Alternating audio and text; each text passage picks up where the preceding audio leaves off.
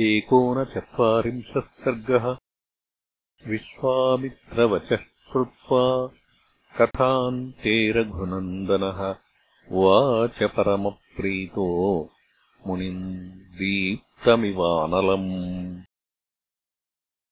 श्रोतुमिच्छामि भद्रन्ते विस्तरेण कथामिमाम् पूर्वको मे कथम् ब्रह्मन् यज्ञम् वै समुपाहरत् विश्वामित्रस्तु काकुत्थम् उवाच प्रहसन्निव। श्रूयताम् विस्तरो राम सगरस्य महात्मनः। शङ्करश्वशुरो नाम हिमवान् अचलोत्तमः। विन्ध्यपर्वतमासाद्य निरीक्षेते परस्परम्। तयोर्मध्ये प्रवृत्तोऽभूत् यज्ञः स पुरुषोत्तम। स हि देशो नरव्याघ्र प्रशस्तो यज्ञकर्मणि। तस्याश्वचर्याम् काकुत्थ दृढधन्वा महारथः अंशुमान् अकरोत्तात सगरस्य मते स्थितः।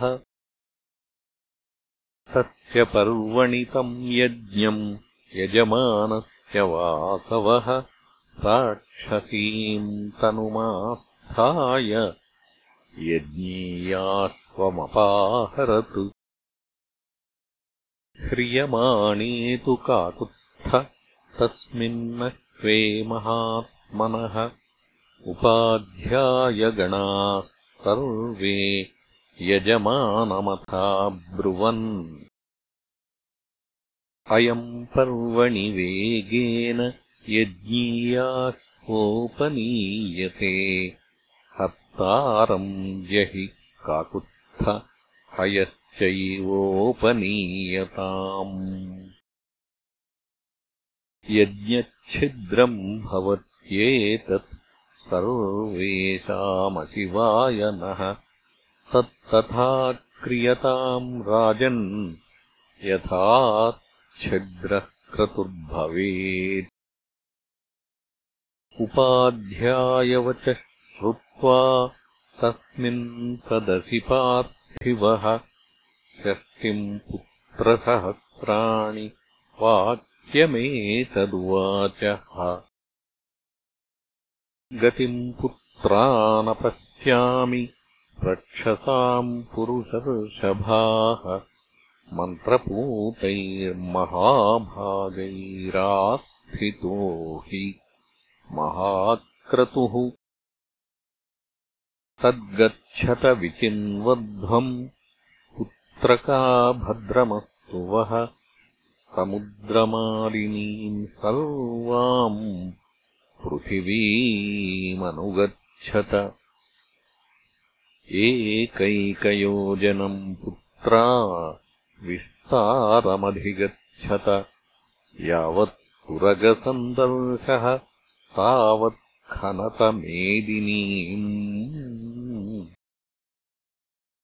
तम् चैव हयहर्तारम् मार्गमाणाममाज्ञया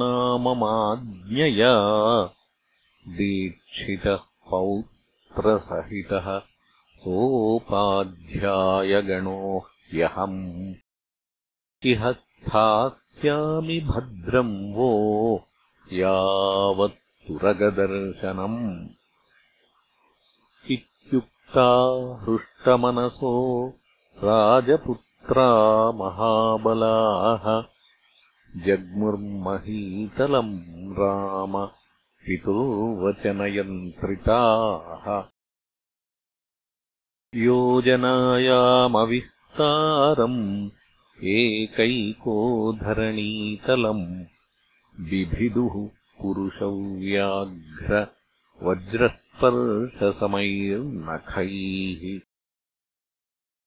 शूलैरशनिकल्पैश्च हलैश्चापि सुदारुणैः भिद्यमाना वसुमती ननादरघुनन्दन। नागानाम् वध्यमानानाम् असुराणाम् च राघव राक्षसानाम् च दुर्धर्षः सत्त्वानाम् निनदोऽभवत् योजनानाम् सहस्राणि षष्टिम् तु रघुनन्दन बिभिदुर्धरणीम् वीरा रसातलमनुत्तमम्। एवम् पर्वतसम्बाधम् जम्बूद्वीपम् नृपात्मजाः खनन्तो नरशार्दूल सर्वतः परिचक्रमुः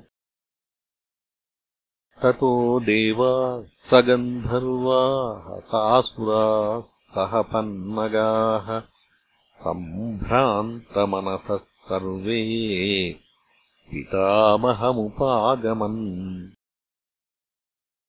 ते प्रसाद्य महात्मानम् विषण्णवदनास्तदा ऊतु परमसन्त्रस्ताः पितामहमुपागमन्। भगवन् पृथिवी सर्वा खन्यते सगरात्मजैः। बहवश्च महात्मानो हन्यन्ते तलवासिनः।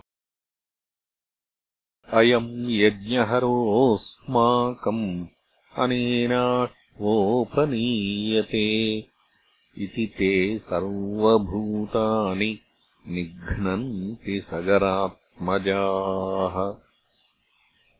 इत्यार्षे श्रीमद्रामायणे वाल्मीकीये आदिकाव्ये बालकाण्डे एकोनचत्वारिंशः सर्गः